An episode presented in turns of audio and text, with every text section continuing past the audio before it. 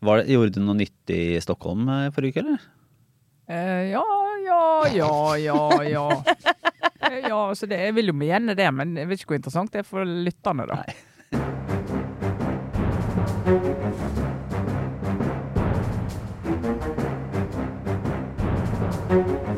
Jepp. Yes, skal vi gå i gang, da? Ja, Ja, ja, da, da er vi i gang med denne ukens Aftenpodden. Eh, Vi sitter her i studio. God dag, god dag, Sara Sørheim. hei Lars. Glomnes. Og eh, Tusen takk. og eh, Trine Eilertsen.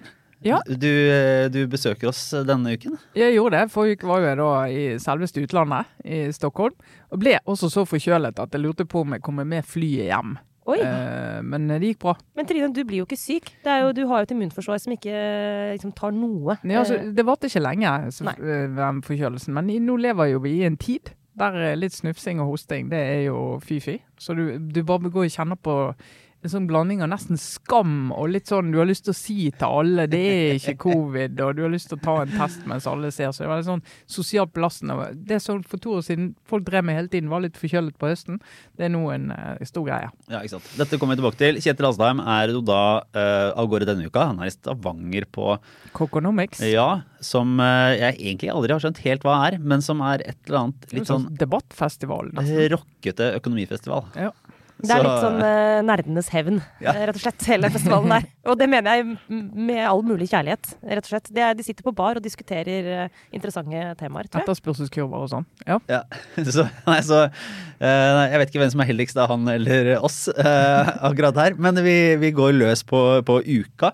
Eh, vi snakka jo sist uke om at statsrådene, de nye statsrådene, foreløpig er litt sånn tilbakeholdne. De stikker ikke huet sånn veldig mye fram. De leser kanskje mye papirer og setter seg inn i ting som skal ordnes i deres nye departementer. Um, og sånn har det jo egentlig vært denne uka her også, har det ikke det? Jo, det liksom, jeg snakket med en eh, kjenner, en eh, rutinert byråkrat som bare sa at ja, men dette er de ukene der eh, statsrådene virkelig går opp for dem. Hva ansvaret innebærer. Liksom, du har vært inne i noen områder av et saksfelt, og plutselig kommer du inn i departementet, og så ser du å gud bedre. Det er så stort, det er så mye, det er så dypt, det er så bredt. Så det er nok mange av de som er, har ganske bratt læringskurve for tiden. Mm. Men eh, det er jo noen da som har eh, på bjudar på litt. På, på en litt sånn eh, merkelig måte, som vi nesten må snakke om. Fordi det ramla inn altså, noe så eh, si, hverdagslig som en pressemelding på, på onsdag. Som fikk altså, satte fyr på redaksjoner og hjem over det ganske land. Det, altså, det er en reaksjon som begynte å banke Ja, ja, av de feile grunnene. ja, eh, fordi altså, Ingvild Kjerkol, og helseministeren, sendte ut en pressemelding eh, der det ble altså, konstatert at eh, hun åpnet for nasjonale, nye nasjonale tiltak pga. koronasituasjonen eh, dersom det går feil vei. Og det er jo et sånt sitat som man kanskje, hvis det hadde kommet i et intervju, eh, så er det typisk sånn Hvis du spør helseministeren ja, kan du utelukke nye nasjonale tiltak, så vil de si sånn eh, Nei. Du Jeg kan ikke utelukke det, liksom. Ja. ja, Og så må du høre på hvordan de vektlegger det for å se om er det riktig å vinkle på dette. Ja, ikke sant. Og så er det sånn, eh, hvis du da hvis du kjører hardt på det, på en måte, så kan du si at eh, ja, ok, eh, helseministeren åpner for nye nasjonale tiltak, og så, og så drar man litt på, og så kommer helseministeren og sier ja, men det var, jeg måtte egentlig bare svare, og det er helt naturlig. Men her var det en pressemelding, så da får man inntrykk av at dette Forbereder litt, og litt mer aktivt. Ja, pluss at det også var varsel om pressekonferanse, sant, som skal være senere i dag. Eh, så da virket det jo, hvis man legger sammen to og to, som det var en sånn det kommer en pressekonferanse med nasjonale tiltak. Det var det man liksom leste ut av den pressemeldingen, og det er jo helt eh, Det er ekstremt illevarslende. Og så har hun i dag gått ut og sagt, i dag torsdag morgen, at det ikke blir nasjonale tiltak. Og da var liksom hele den her lille koldbøtta helt komplett. For da er det sånn, men hva sendte du den pressemeldingen for da? Ja, altså jeg kan si jeg har, jeg kjenner jo folk som jobber i teatret, og en av de hadde jo fått med seg dette. Eh, og de har akkurat avsluttet en streik denne uken, syv uker lang streik, og hatt, uh, ikke vært åpen på hva da, 20 måneder. Og, og hun bare sa vet du, det her, jeg bare kjenner jeg får nesten sånn panikkangst hvis de nå begynner med sånne nasjonale tiltak, for de ser jo for seg at nå er det liksom Endelig skal de Ja. på en måte ha full sal. Så du, du skal vite hva du gjør når du sender ut sånne signaler, altså. Ja, for det eh, spørsmålet er jo Altså, for det første spørsmålet eh, mitt var jo altså hva Altså, hva, hva i all verden? Jeg forstår ingenting av hva det skulle kunne være. Altså- Eh, så mentalt så er jeg nå så langt inn i hverdagen at det er sånn altså nasjonale tiltak eh, Nå er vi stort sett i all hovedsak altså. Ja. vaksinert. Altså skal alle da ha på seg munnbind på trikken igjen? Skal man eh, ikke samles? Skal de begynne å begrense altså, sånn, jeg, jeg har ikke, Kan det nå settes inn nasjonale tiltak som har noen effekt? Ja, så jeg så Nakstad i går på Dagsnytt 18 snakket jo om dette. Og han, det han egentlig sier, er jo at vi er jo blitt altfor slappe. Nå kom det akkurat melding om at i Tromsø nå innfører de meteren igjen. I Tromsø, For der har de voldsom sånn smitteoppblomstring. Men lokale tiltak, det vet vi jo at det kommer jo. Sant? At du får noen steder der du sier at det er meter og munnbind og litt sånn forskjellig vasking og ikke besøk, kanskje. Eh, men for nasjonale tiltak, som Nakstad sier, altså vi, vi, er jo mange som er vaksinert, men vi er jo ikke mange nok. Men det er jo fremdeles uh, for mange som ikke er det. Og så er det jo det de følger, er jo innleggelse på sykehusene. Det er jo det eneste vi følger nå. Men så er det jo også sånn at selv i Tromsø, nå hvor det da kommer, eh, kommer noen tiltak, så er det jo også en anbefaling. Og det er også veldig viktig nyanse å merke seg, fordi eh, du, du, kan jo som Altså helsemyndighetene kan, og bør kanskje til og med også anbefale en del eh, altså, type sånn Vi anbefaler dere å gjøre sånn og sånn. Men, eh, men det å si at vi pålegger dere, eh, det er jo og skal sitte utrolig langt inne. Det er en veldig, veldig alvorlig inngripen i private liv. Mm. Og jeg tror at vi bare må liksom minne hverandre på at det, vi ble i løpet av dette ufattelig lange koronaåret liksom vant til at det er det noe som skjer. At myndighetene med, eh, altså legit, helt legitimt pålegger oss eh, begrensninger som for noen få år siden ville vært helt utenkelige for oss. F.eks. hvor mange folk du kan ha på besøk hjemme. Mm. Men da, da, er det sånn at det må være en forholdsmessighet sant, i disse påleggene. Og da må du kunne vise til at det er en reell fare for liv og helse eh, for mange nok mennesker, eller at helsevesenet faktisk eh, står i fare for å knekke sammen. Og hvis ikke det hvis, hvis ikke vi er der, så skal det være utrolig um, Altså, det skal, være, det skal, være, svært gode grunner for, en, for, nasjonale myndigheter å innføre sånne regler igjen. Og, da, og, og det er jo ikke engang altså I Tromsø nå så er det fortsatt på liksom, anbefaling. Så disse nyansene her, de er ganske viktige, og vi må liksom ikke la det skli ut at vi godtar eh, inngripen som ikke har legitimitet, eller som ikke er forholdsmessige. Da. Selv om mange nå sikkert ser på smittetallene og blir redde og tenker at shit, shit, shit, nå må vi liksom tilbake til sånn som det var for et halvt år siden. Men det er en annen situasjon. Men tror vi, tror vi at det var en eh, på en måte overnervøse medier og, og mottakere av denne beskjeden som tolka for mye ut av det, eller eh, var det et signal som var litt sånn Ok, her eh, gjør man bevisst en liten sånn Sender ut en liten rapp da, for å få folk til å tenke gjennom hvordan de oppfører seg. og Jeg tenker vel kanskje det siste. Ja. Eh, men da tenker jeg vel òg at eh, det burde de da tatt på pressekonferansen i dag, sånn at hun kan forklare hva hun tenker og hva hun ønsker å oppnå med det, og ikke bare få sånn to døgn med hva skjer, hva skjer, eh, blir det nedstenging. Skal vi mistenke også, ikke sant, for at Kjerkol har vært eh, kanskje den tydeligste i opposisjonen da hun satt der, eh, stemmen for at man burde eh, være mer aktiv. Altså hun har ofte, liksom, eller ikke ofte, men hun har et par ganger kommet med kritikk av forrige regjering for å være for passive. Eh, så det er jo Nå spekulerer jeg bare, men det er jo lett å mistenke at hun har hatt, hatt et behov for å vise at hun er sånn framme i skoa, og at hun, eh, hun, hun, skal ta grep og ta ansvar og være en aktiv eh, Være en ja, sterk helseminister, da. Så håper jeg selvfølgelig at det ikke er det, for det er på en måte veldig sånn Det er veldig korttenkt. men, men, men vi får se hva hun sier senere i dag. Men det der å på en måte skulle det, dette er ikke tiden for å tøffe seg med å vise at man er sånn tiltaksvillig. Eh, bare sånn Å, please! Ikke gjør dette til et politisk eh, gameshow. Da dauer jeg. Mm. Men eh, vi, vi, kan eh, gå videre, og, og, det kan jo hende at vi får hele historien dersom Ingvild Kjerkol bestemmer seg for uh, å f.eks. skrive en trebinds uh, politisk uh, selvbiografi. Sånn som Om ti, om ti år. om ti år ja. Jeg tror aldri vi kommer til å se en kvinne skrive tre bind om sitt eget liv. Det tror ikke jeg heller. Faktisk ikke. Helt, helt, altså det er en sånn særegen Gro Harlem Brundtland skrev jo en god del bøker. Det var mannen hennes stort sett som skrev om henne, var det ja, ikke det? Ja. om sitt liv med Gro. Gift med Gro. Ja. Ja. Men, og fortsatt gift med Gro, eller var det Ja, ja, ja, det var, det var uh... Utrolig nok fortsatt gift med, med Gro, som er oppfølgeren. Nei, men altså, helt alvorlig, det er en, sær, det er en helt sånn Det er en øvelse som krever et så stort ego. Mm. Uh, og med mindre du er en genial skjønnlitterær forfatter, sånn som f.eks. Uh, Knausgård, da, som klarer å skrive bok etter bok og liksom tvinge noe av kunstnerisk verdi ut av det. Med mindre du er der oppe, så mm. skal det Du skal ha levd et satans spennende liv før tre tjukke bøker uh, før du kan forsvare det. Men Sara Sørheim, er det noen som har levd et mer spennende politisk liv enn Torbjørn Jagland?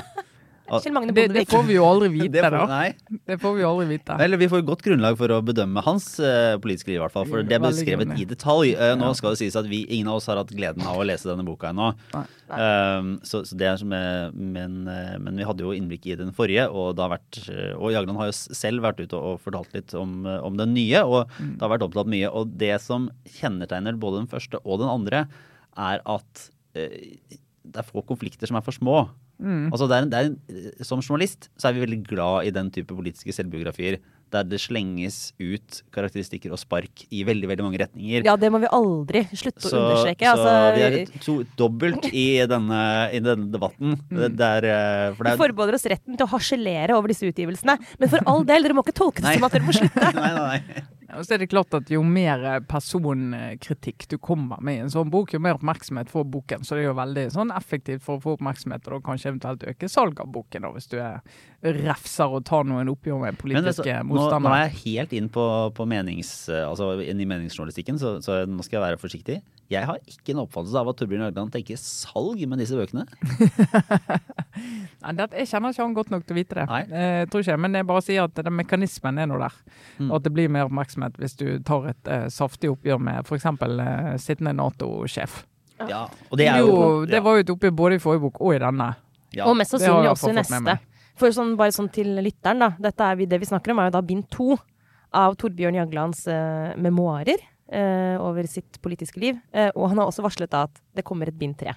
Mm. Eh, så det er bare sånn. Og det til sammen det, de, er, de er ganske sånn tjukke, disse bøkene. Så det, blir, det er mange sider, da. Men at Jens Stoltenberg kommer til å også være en karakter i bok nummer tre, det tror jeg vi kan ta for gitt. Og, og på en måte så er det jo for de journalistene og politiske journalister, eh, særlig kanskje av en viss alder, så er jo, er jo dette en gullgruve. Fordi den konflikten mellom, eh, mellom Jagland og Stoltenberg, som, som eh, har vært måtte, forsøkt beskrevet, har vært, eh, vært nevnt da, eh, i årevis, har en sånn mytisk karakter som en av de, liksom, en av de store norske internpartikonfliktene. Det preget jo norsk politikk i fem, fem år, minst. sant? Det liksom lå der som et bakteppe og var inne i alle diskusjoner. Og i saker og i partiet og alt. Det er liksom den første saken som jeg husker også, eh, fra norsk politikk, som var sånn, sånn ordentlig den, altså, den krigen, den personkonflikten, og, og også på et sånt nivå som du nesten bare har funnet i Arbeiderpartiet, sant? hvor du har så sterke krefter på begge sider. Så det formet jo også en hel generasjon med politiske journalister, og en hel generasjon politikere. Men nå, når liksom det har gått så mange år, så er det interessant, eh, Lars, at når, når Jagland da kommer med nok, altså med bind to, da, for han er dette her fortsatt tydeligvis utrolig viktig, ikke sant? Og, og det tror jeg gjennomsyrer hans syn på alt i norsk politikk, den konflikten. Og det er da det begynner å bli litt sånn Ok, det var en svær sak. Eh, åpenbart nesten sånn traumatisk for de involverte. Og det betydde også noe for faktisk utfall av hvilken retning Arbeiderpartiet tok. Så det er en veldig interessant sak, men det er, sånn, sånn, det er noe med dimensjonen her. Det, det kunne kanskje vært greit å legge det bak seg på et tidspunkt. Det er, liksom ikke, det, er ikke, det, er, ikke lenger det som er drivkraften i hva alle andre mener liksom, i norsk politikk. Men for Jagland virker det fortsatt å være på en måte den formative saken, da. Det, men jeg, jeg syns jo det er interessant sånn, sånn politisk å se på det også, fordi noe av det som og det her tegnes jo kanskje særlig da av Jagland selv, og det, det her, han får vurderes eh, i hvilken grad han er en, en troverdig forteller i sin egen historie. Det er det jo veldig få som klarer å være. Så det er ikke i så fall bare han som, som rammes av det. Men, men eh, han blir jo i boka og i sine analyser av, av eh, tiden med liksom Stoltenberg som statsminister og av sosialdemokratiske partiets utvikling, da, Arbeiderpartiets utvikling, så, så peker jo han på en del ting som også kommer opp i andre debatter, eh, kanskje fra mer sånn klassisk venstreside. Altså et parti som, som i løpet av 90-tallet bevegde seg inn mot eh, sentrum, altså knytter seg liksom til eh, Tony Blairs New Labour, altså der man begynte å reformere det som hadde vært på en måte, det statsbærende sosialdemokratiske prosjektene, innføre mer markedstenkning, selger ut enkelte altså statlige bedrifter.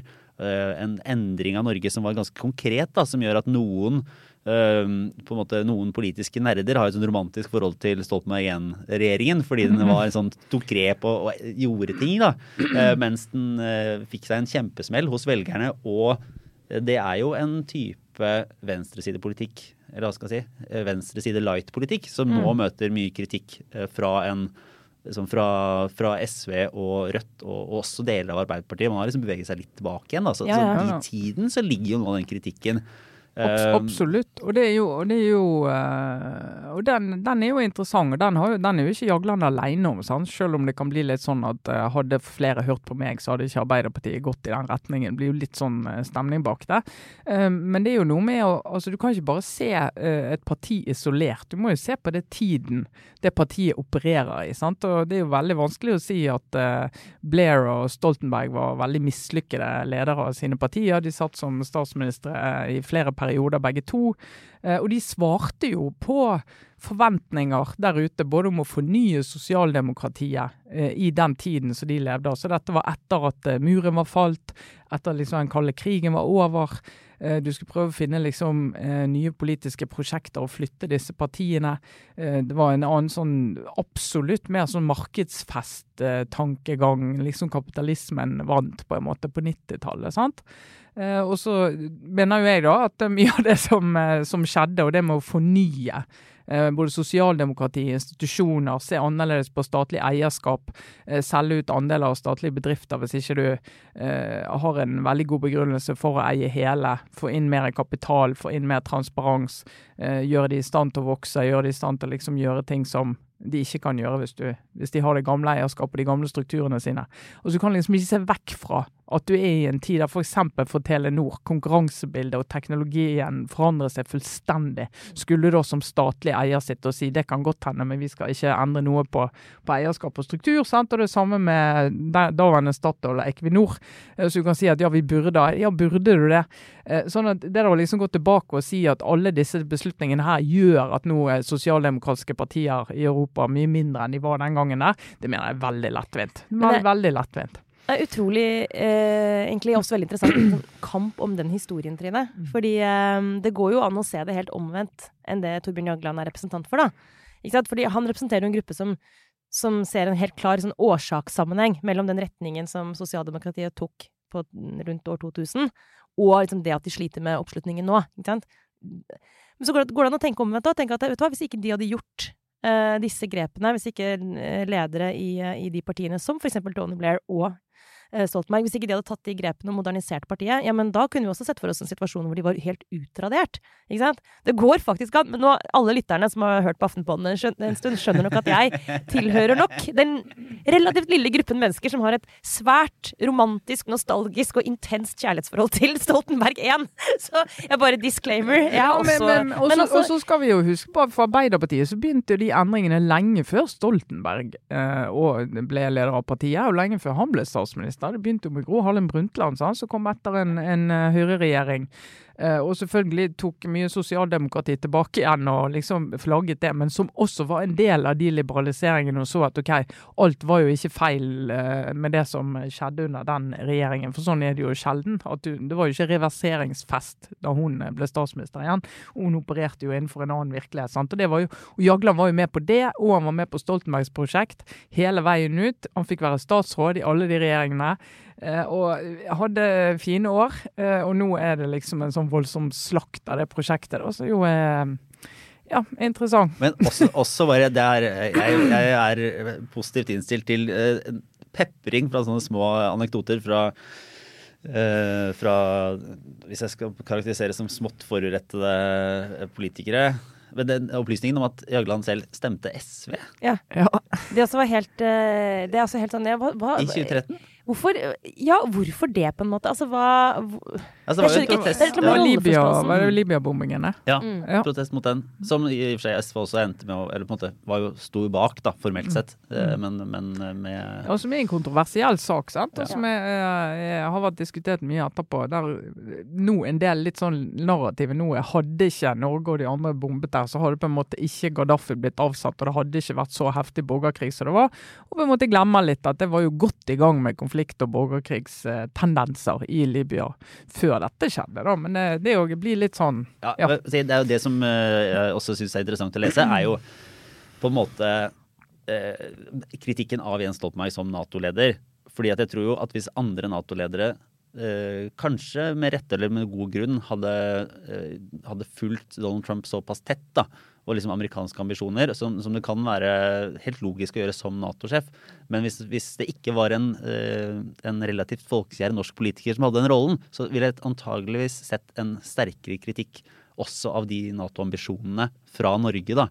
Uh, som, uh, enn en, en det vi har sett. Så det er jo litt interessant, og det tror jeg kan være verdt å lytte til og i hvert fall diskutere og analysere noe av den, de innvendingene som kommer der. da. Ja, og det er, har du helt rett i. Vi kan tøyse og bør tøyse mye med det store egoet som virker å prege disse utgivelsene. Men, men også skal vi huske på at Torbjørn Jagland har vært veldig sentralt plassert både i norsk og europeisk politikk er åpenbart en interessant politisk tenker, og ganske sånn djerv i sine analyser. Og han har jo sånn vært på en måte sånn modig Selv om han også ble hans, hele hans prosjekt som statsminister av Det norske hus og alt det han skulle bygge, har blitt latterliggjort i ettertid fordi det kollapset litt, så er det likevel litt sånn Det er, en, det er en, en, en, politiker man bør ha en viss respekt for. Eh, jeg syns det er kult med, med, politikere, særlig innenfor Arbeiderpartiet, som, som tør å tøye litt sånn grensen og også være litt ideologisk. Så det er mye bra med det. Men det jeg ikke forstår, nettopp fordi han er egentlig, tror jeg, en ganske sånn god politisk tenker, det er at han tydeligvis har så så lite sånn rolleforståelse at han ikke skjønner at når han blir så personlig i sin kritikk, og når han trekker frem f.eks. hva han selv stemte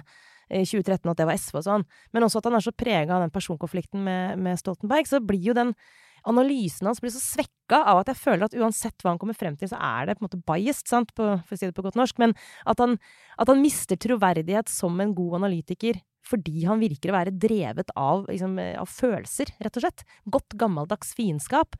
Og det syns jeg er rart at ikke han forstår. Altså, han ville vært en mye mer interessant stemme hvis han bare hadde klart å ikke være Akkurat som Carl I. Hagen, som er sånn opphengt i gamle konflikter og dritt, liksom, som ikke er relevant for egentlig noen andre enn de det gjelder.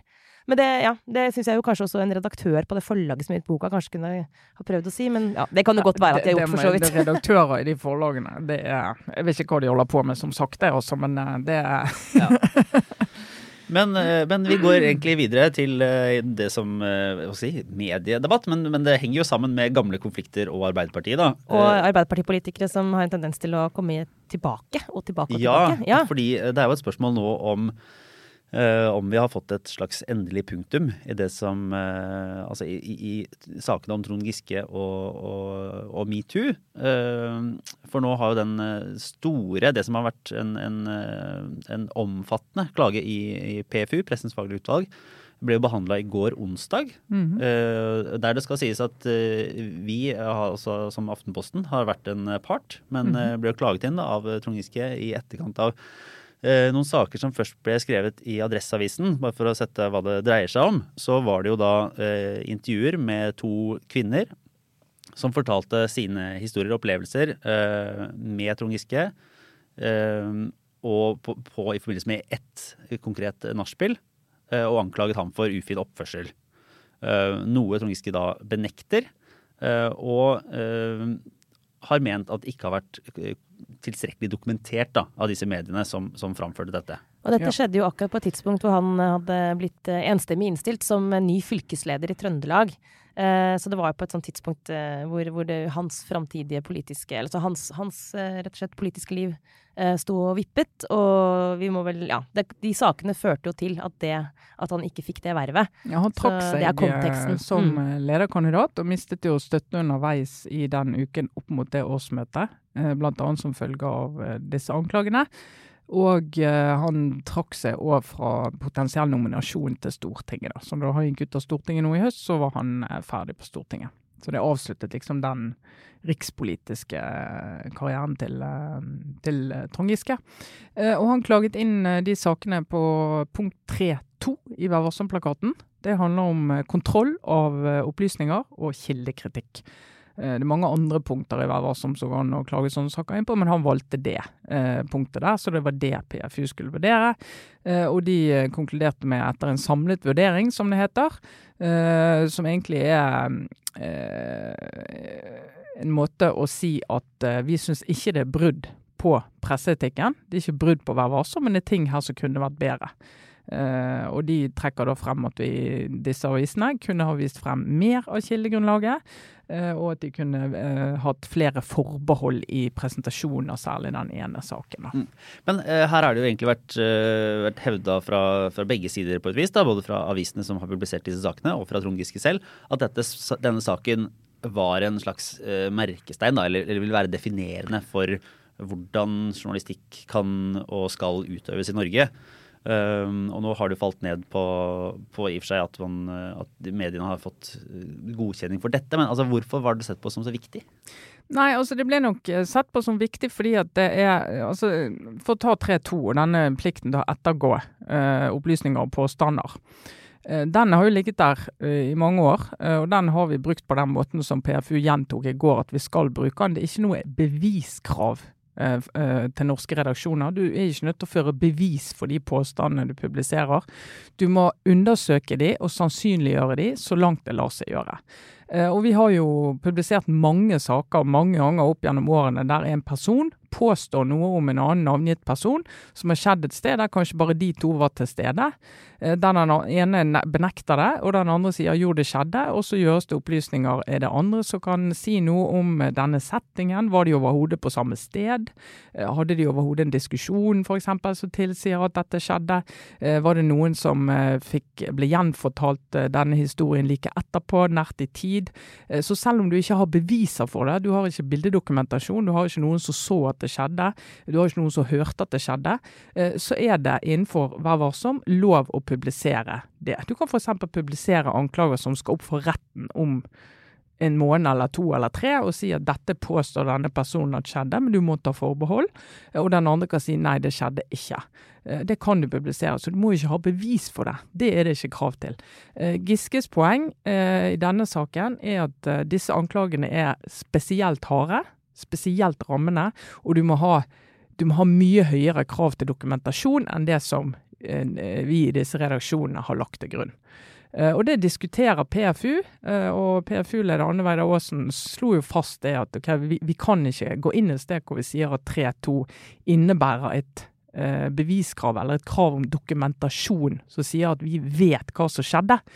Vi skal la folk få lov å fortelle og påstå, men vi er nødt til å gjøre en jobb med å ettergå de påstandene, og det mener vi at vi har gjort.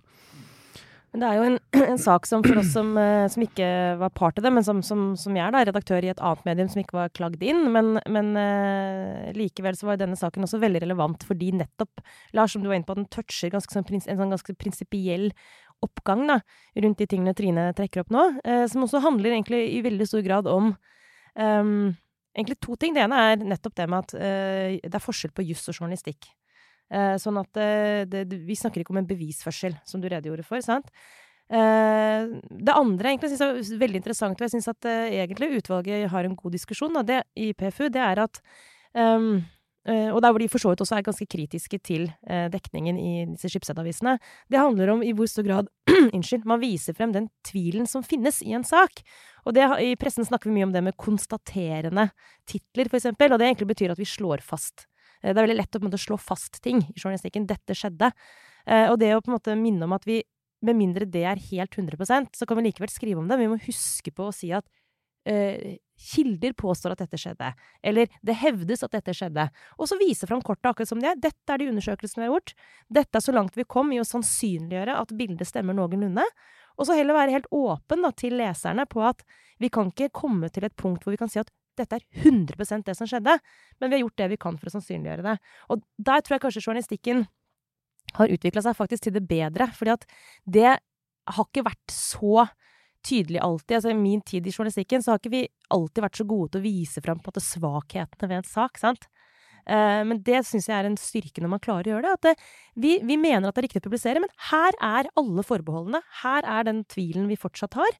Vær så god, og så setter du leseren i stand til å gjøre egne gode vurderinger, da. Ja, det, det, er klart hvis du har åpne kilder som står frem, og de lar seg intervjue og sier at dette var det jeg mener skjedde, mm. uh, og så får den som er anklaget da høyt oppe i saken si at det skjedde ikke. Eh, så, så liksom eh, Og får mulighet til å opplyse saken. Så vil jo, vil jo eh, Giske mene at uh, han ikke fikk nok mulighet til det, for da er vi uenige. Det var derfor det ble en uh, full klagebehandling. Men uh, for, for, å på en måte da ta spørsmålet som kanskje kommer utenfra, er det sånn ja, men altså, skal ikke det som hvorfor, hvorfor, skal, hvorfor skal dere skrive ting som dere ikke vet helt sikkert er sant? Men, jeg, ikke denne saken konkret, da, men siden jeg tenker på at dette er jo relevant for hele metoo-journalistikken, egentlig. Ikke sant? Fordi at det, vi skal si noe som kjennetegner den typen journalistikk, så er det at den beskriver situasjoner som har foregått mellom to mennesker, veldig ofte i et lukket rom. I de sakene som har vært oppe i PFU nå, så var det faktisk flere til stede. Det gjør det litt enklere å gå inn. Men veldig mye av de klassiske metoo-sakene, det er påstand mot påstand. Og da, da tror jeg vi eh, Alle vi som har vært redaktører gjennom disse årene, har kjent på det at filler'n, her er det ikke mulig å bruke liksom de metodene som er de enkleste gåseøyne, som er å finne skriftlig dokumentasjon på ting. Sant? Ja, ok, Har du et brev hvor dette står? Har du, har du en kontrakt? Altså, det er veldig mange ting man kan dokumentere. Men sånne type hendelser, da må, være, det må være, da må, det være, et rom for å bedrive journalistikk eh, uten at du kan komme fram til en 100% konklusjon om at dette skjedde. Og hvis PFU eksempel i denne behandlingen har landet på at det skulle, den døra skulle stenges, så er det helt reelt um, det ville, det ville, fått konsekvenser for den journalistikken vi har sett siden 2017. Og, veldig, og ikke, bare den. Mm. Men det er jo veldig beleilig da, for mediene å si at uh, vi ikke trenger å være helt, helt sikre. Altså, En kunne jo hevet den terskelen og sagt ja, at det, ja, det, det, er det, Ok, da får man ikke skrevet om disse tingene. Det er, ja, de kunne jo sagt, det, Men det gjelder poenget det gjelder jo ikke. altså nå, eh, Før 2017 så tror jeg særlig sånne saker som dette, og det tror jeg det var en veldig sånn sterk opplevelse at dette er spesielt harde anklager. sånn at, Og vi skrev jo aldri om det. Vi visste jo om ting som skjedde, og det gikk rykter, men det ble bare sånn ja, men vi har ikke noe bevis, og det er ikke noe som så det, og ingen vil fortelle, og ingen vil stå frem med navn sant, og fortelle om det, og liksom eie det og si at vet du, den, jeg tar belastningen med å stå frem, jeg. Eh, jeg forteller det, så jo eh, selvfølgelig er veldig viktig i vurderingen av kildens eh, troverdighet, at de påtar seg den belastningen. Men og før det så var liksom alt som handlet om metoo, trakassering, altså litt sånn Vi visste jo om en god del, det har vi snakket om før, så vi ikke skrev fordi at vi sa at nei, men vi har ikke nok dokumentasjon, og anklagen er for hard. Så selv om vi, vi, tror på den kilden, vi er ganske sikre på at det skjedde noe her, så, så, velger vi å ikke fortelle det. Det var tradisjonen frem til 2017. 2017 var en revolusjon. Eh, startet med Harvey Weinstein og New York Times. De hadde en del økonomiske spor. sant? Altså De hadde eh, sånne eh, avtaler om at folk ikke skulle fortelle, og de hadde liksom kunne gå opp og ned sånn paper trails på det. Eh, men det har jo også utviklet seg en journalistikk som handler om at du må kunne fortelle en del av disse historiene om denne typen eh, mulige maktovergrep eh, gjennom at kvinnene da står frem, forteller, og så bygger du noe rundt de. Altså Vi gjorde det da vi publiserte eh, kronikken til Sunniva Andreassen eh, på vinteren 2018. Eh, der vi, sant, Hun sto etter hvert frem med navn og alt som var, men vi gjorde jo en journalistisk jobb før den ble publisert. Altså hennes, eh, som også er en, av de som varslet en, en anklagevarsel mm. Eh, mot Giske den gangen. Eh, hvor vi snakket med folk som hun hadde snakket med nært i tid. Og det var jo ting som altså Det er, var en ny måte å jobbe med denne type saker på. Eh, og denne, det PFU egentlig sier nå, det er 3-2. Der har du det du alltid har hatt eh, når det gjelder kildekontroll, når det gjelder kontroll av opplysninger. Du skal sannsynliggjøre, du skal gjøre en kontroll, men det er ikke krav til at vi skal bevise at ting har skjedd. Det har det ikke vært. Det har det aldri vært. sant? Hvis vi skal løfte det på et sånt helt sånn overordna nivå. For det, det her syns jeg er helt sånn Det går rett til kjernen på liksom Hvorfor har vi journalistikk? Um, og jeg bare sitter og tenker på den Weinstein-saken. altså hvis vi tar, um, Det er nesten lettere å snakke om saker som ikke er så tett på oss, da. Men, men det er jo likt, altså hvis vi ser på den saken, som er um, en situasjon altså Weinstein hadde løst veldig mange av de overgrepssakene gjennom juridiske virkemidler eh, i årene, i mange mange år, lenge før 2017. Sant? Gjennom å komme til forlik, faktisk, og de der NDA-ene, altså non, ja, de der non-declosure agreements, hvor du skriver under på at du ikke har lov til å fortelle, og så får du penger, rett og slett.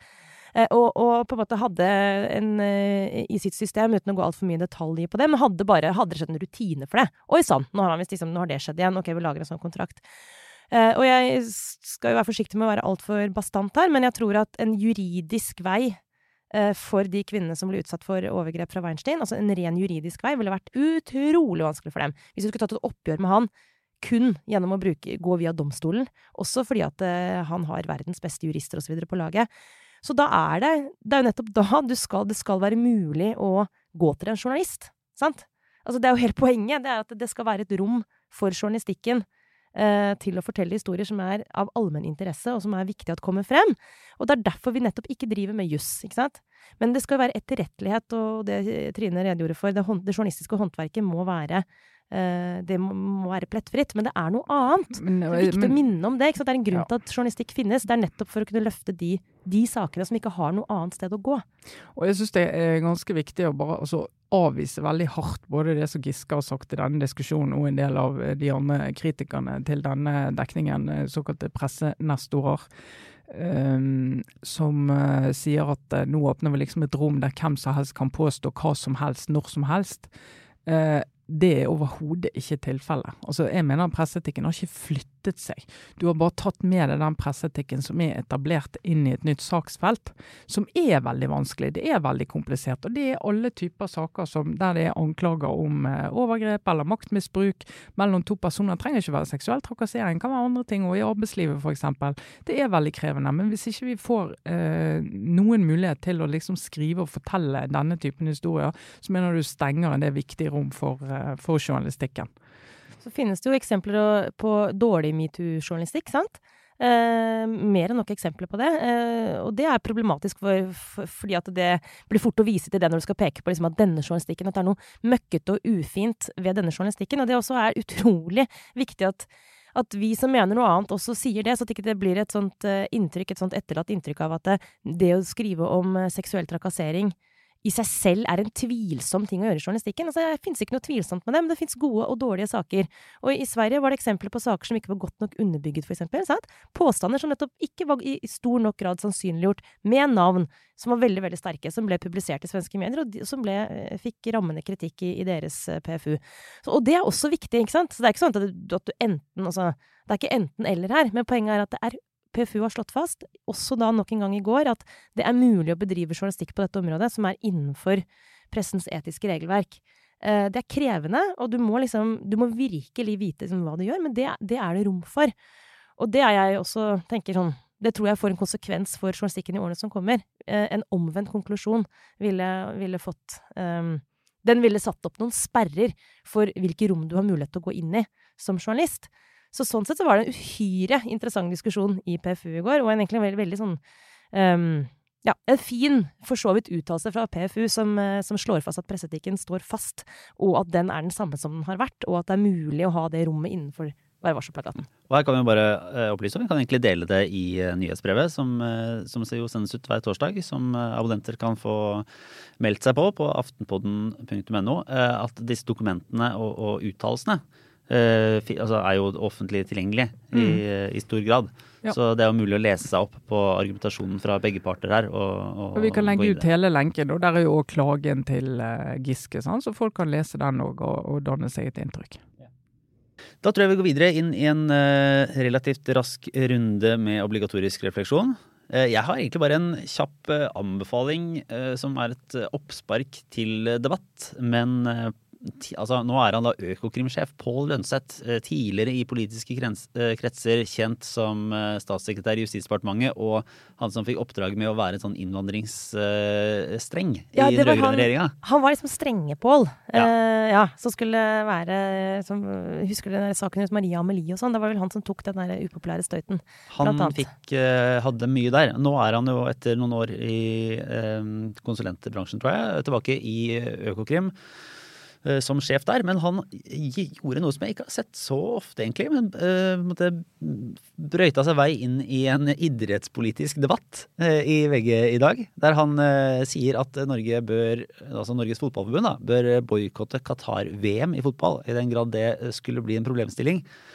Uh, uh, og, ikke, altså, og ikke, ikke, fordi han da tar lett på det som har vært de, den store delen av boikottdebatten tidligere, nemlig arbeidsforhold og og menneskerettigheter og, og, en del sånne spørsmål. Men eh, på tildelingen, som jo eh, Der mange av de som har vært ansvarlig for dette i Fifa, altså for å gi Qatar dette VM-et, eh, og for den saks skyld også Russland sist, er blanda inn i korrupsjonssaker. Og det er hevet over den aller meste tvil om at Qatar fikk dette VM-et etter korrupsjon i Fifa. Og da er jo poenget til Lønseth at prosesser som, eh, der man får en vinner takket være en eh, form for korrupsjon, altså, den kontrakten skal jo heves, på en måte. Altså, du, skal ikke ha noen, du skal ikke sitte igjen og Du er ikke og- forpliktet til å følge den. Nei, nei, Nei. Og, ikke, og ikke bare ikke forplikta, men du er jo egentlig, sånn som man sier det, da, avvise eh, bør avvises. Sånn Mm. at ikke det er noen gevinst ved å ha en sånn uredelig prosess. Ja. Eh, Og det er egentlig moduset man følger i eh, forretningslivet og andre eh, ting ellers. Så Mm. han syns det er helt naturlig, og på en måte sier både på vegne av seg selv og Økokrim, som eh, har et ansvar for å være kriminalitetsforebyggende, at eh, dette også burde gjelde Qatar-VM.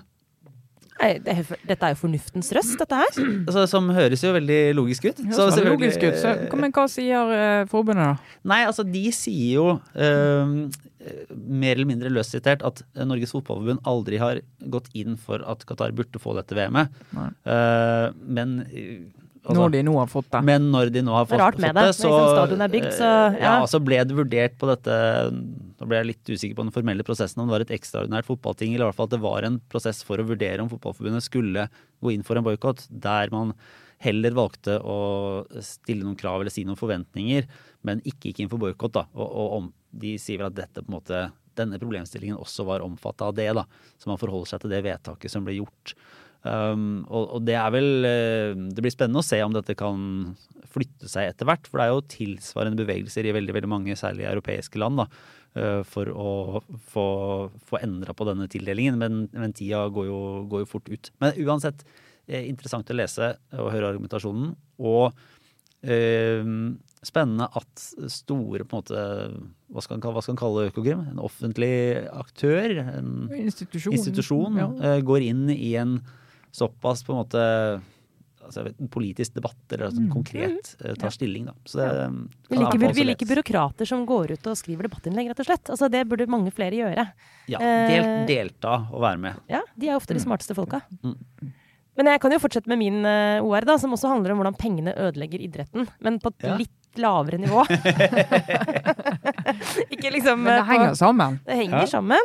Men, eh, men eh, eh, Jeg skal ikke påstå at, skal, at det har noe med korrupsjon å gjøre, men det handler om penga i, i fotballen. Fordi for, for mange av oss, sant, i hvert fall deg og meg, Lars, hvis vi skal forholde oss til dette rommet, så er jo det å gå på bar og se fotballkamp er liksom noe av det hyggeligste man kan gjøre. Og de siste årene har ikke jeg fått gjort det så ofte som jeg pleide, og det er sikkert bra for meg på mange måter, men, men nå på søndag så hadde jeg endelig liksom litt tid og skaffet meg liksom, eh, eh, handlingsrommet eh, familiemessig til å gå på min lokale pub og se Liverpool-Manchester United. For Det øvrig en glede Det gikk jo for deg. Ja. Her, Ja, det var en fantastisk kamp. Men, Ganske bra, ja. ja, det gikk ganske bra. Men, men poenget er at da jeg kom inn på den puben som har pleid å vise fotball, så sa den hyggelige bartenderen at vet du hva, fra og med 1. oktober så, så viser ikke vi Premier League eh, fordi vi har ikke råd. Fordi det koster eh, 49 000 i måneden for oss å vise fotball på TV 2. Og da går vi ikke i pluss, sant? Nei. Altså nesten 50 000 kroner. Dette, her er en, dette her er én lokal bar i den bydelen som jeg bor i, som Mm. er veldig hyggelig og tradisjonsrik. Hvor jeg, jeg elsker å sitte der på en søndag ettermiddag med en kald halvliter og se noe bra fotball på TV, liksom. det er her du må gå inn. vet Du Du kan ikke sitte der med én lusen kald halvliter. Du må ha ti. Du, du må ha ti, ja. Ja, altså, altså jeg prøver å regne på det starte folkebevegelsen for, uh, for uh... Ti øl og et fat med sambuca-shots. Ja, ikke, ja, ikke sant? Ja. Nei, men altså, Da ble jeg så sjokkert, og det viser seg at det stemmer jo det. Altså, det er det det koster. Det er et sånn trappetrinn basert på hvor mange du kan ha plass til i puben. Men poenget er at det koster det nå uh, for norske barer. Og da, da mener jeg helt sånn, da er det et eller annet som har gått helt gærent. fordi at det, du går jo inn og liksom, raserer en sånn derre Egentlig en sånn fotballkultur, supporterkultur. Noe av det som er med på å bygge interesse for fot fotball over tid.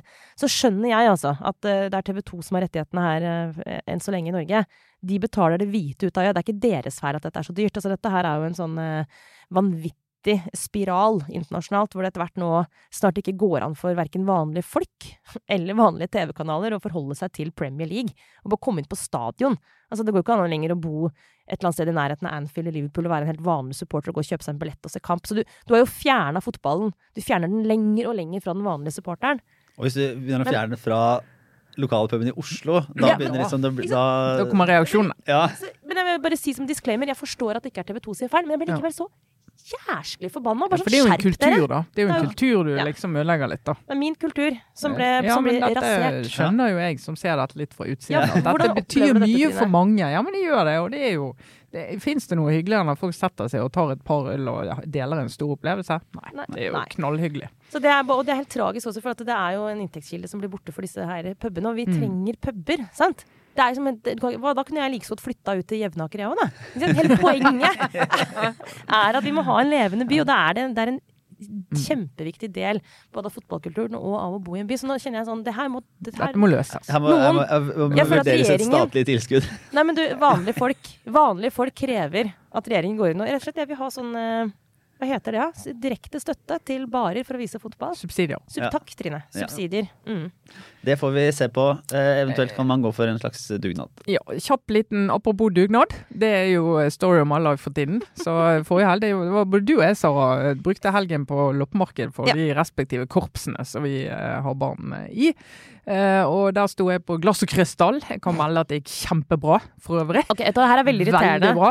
Men Trine grafsa til seg, Korpset til Trine grafsa til seg både omsetningen og Ja, varer som det var, nybolatt. var knallbra loppemarked. Men eh, det som er da, for vi bruker jo ganske mye tid på å pakke ut esker så folk eh, greier å donere, og loppemarked er jo avhengig av at folk gir åpenbart. Men altså, hvis du skal gi til loppemarked, kan ikke du bare tenke på det? Du kan tenke på et par ting. Det ene er det er ikke en gjenbruksstasjon. Det er ikke en bossplass. Eh, det jo ikke noe om det du legger i esken er, er rent. Altså, kan godt ha stått i boden en stund, kan godt være støv på, men det trenger ikke være matrester på ting du legger i kartongen. Det trenger heller ikke å være ødelagt. Fordi at Hvis du at- kaster det fordi det er ødelagt, så kan du legge til grunn at ingen kommer til å kjøpe det når det er ødelagt heller. Så ja, altså eh, Det, det er ting å Takk for alle donasjoner, men, men vær litt kul av folk. Så en dere gir oppvaskmaskin? til disse loppemarkedene, som altså går til inntekt for uh, spilletimer og instrumenter for masse skjønne unger i Norge. Vær litt kul. Ja, nei, det må jeg bare si at her er vi helt på linje i Aftenpodden. Altså det, her må folk skjerpe seg på hva de leverer inn. Og så må de gjerne liksom huske på da, at det er loppemarked nå hvert år, så at det, de må ikke kaste ting som er fint. Nei. må de spare til korpset. Ja, Men ting som er ødelagt, må de kaste. Veldig Ja. viktig. Ja. Så vi var en tur på gjenbruksstasjonen og kom hjem med mer enn det vi kasta. Så det var eh, det her Men faktisk, da, det er jo vårt bidrag til sirkulærøkonomien. Og det Ja, er det må jeg si. Og det er ja. veldig Ja, funker det, altså. Ja, men Da tror jeg vi runder av for denne uka, og så er vi tilbake neste. Da lurer jeg på om Kjetil kanskje er inne direkte fra Glasgow? Ja, ja, det er jo Eh, neste uke. for Så da, da får han må dra ordentlig gjennom eh, hva som står på spill neste Ja. uke. Så, Det er ikke lite. Det kan vi i hvert fall slå fast. Ja, Da blir det antageligvis enda mer globalt eh, fokus, vil jeg anta. Men uansett, det var Aftenpåden denne uka. Takk for nå, ha det bra.